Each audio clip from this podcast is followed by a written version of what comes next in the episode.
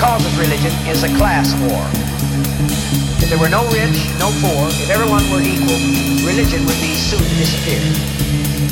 People only develop religion when they're unhappy with this world. I'm 100% sensitive to get you to the only heaven there is, a planet out there. Capitalism is the Antichrist. This night will be a very significant night. It's weighed by every. Because I can heal the sick and raise the dead. For all things by necessity must work together for good.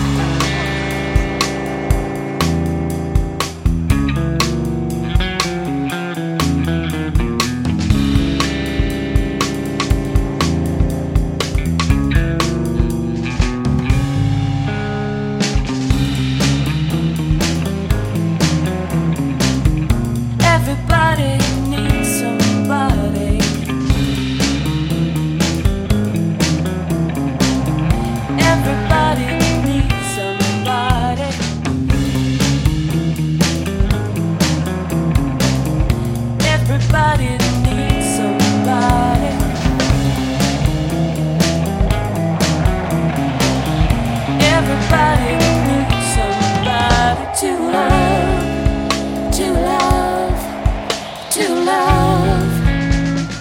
No one as loving as I could have created this universe.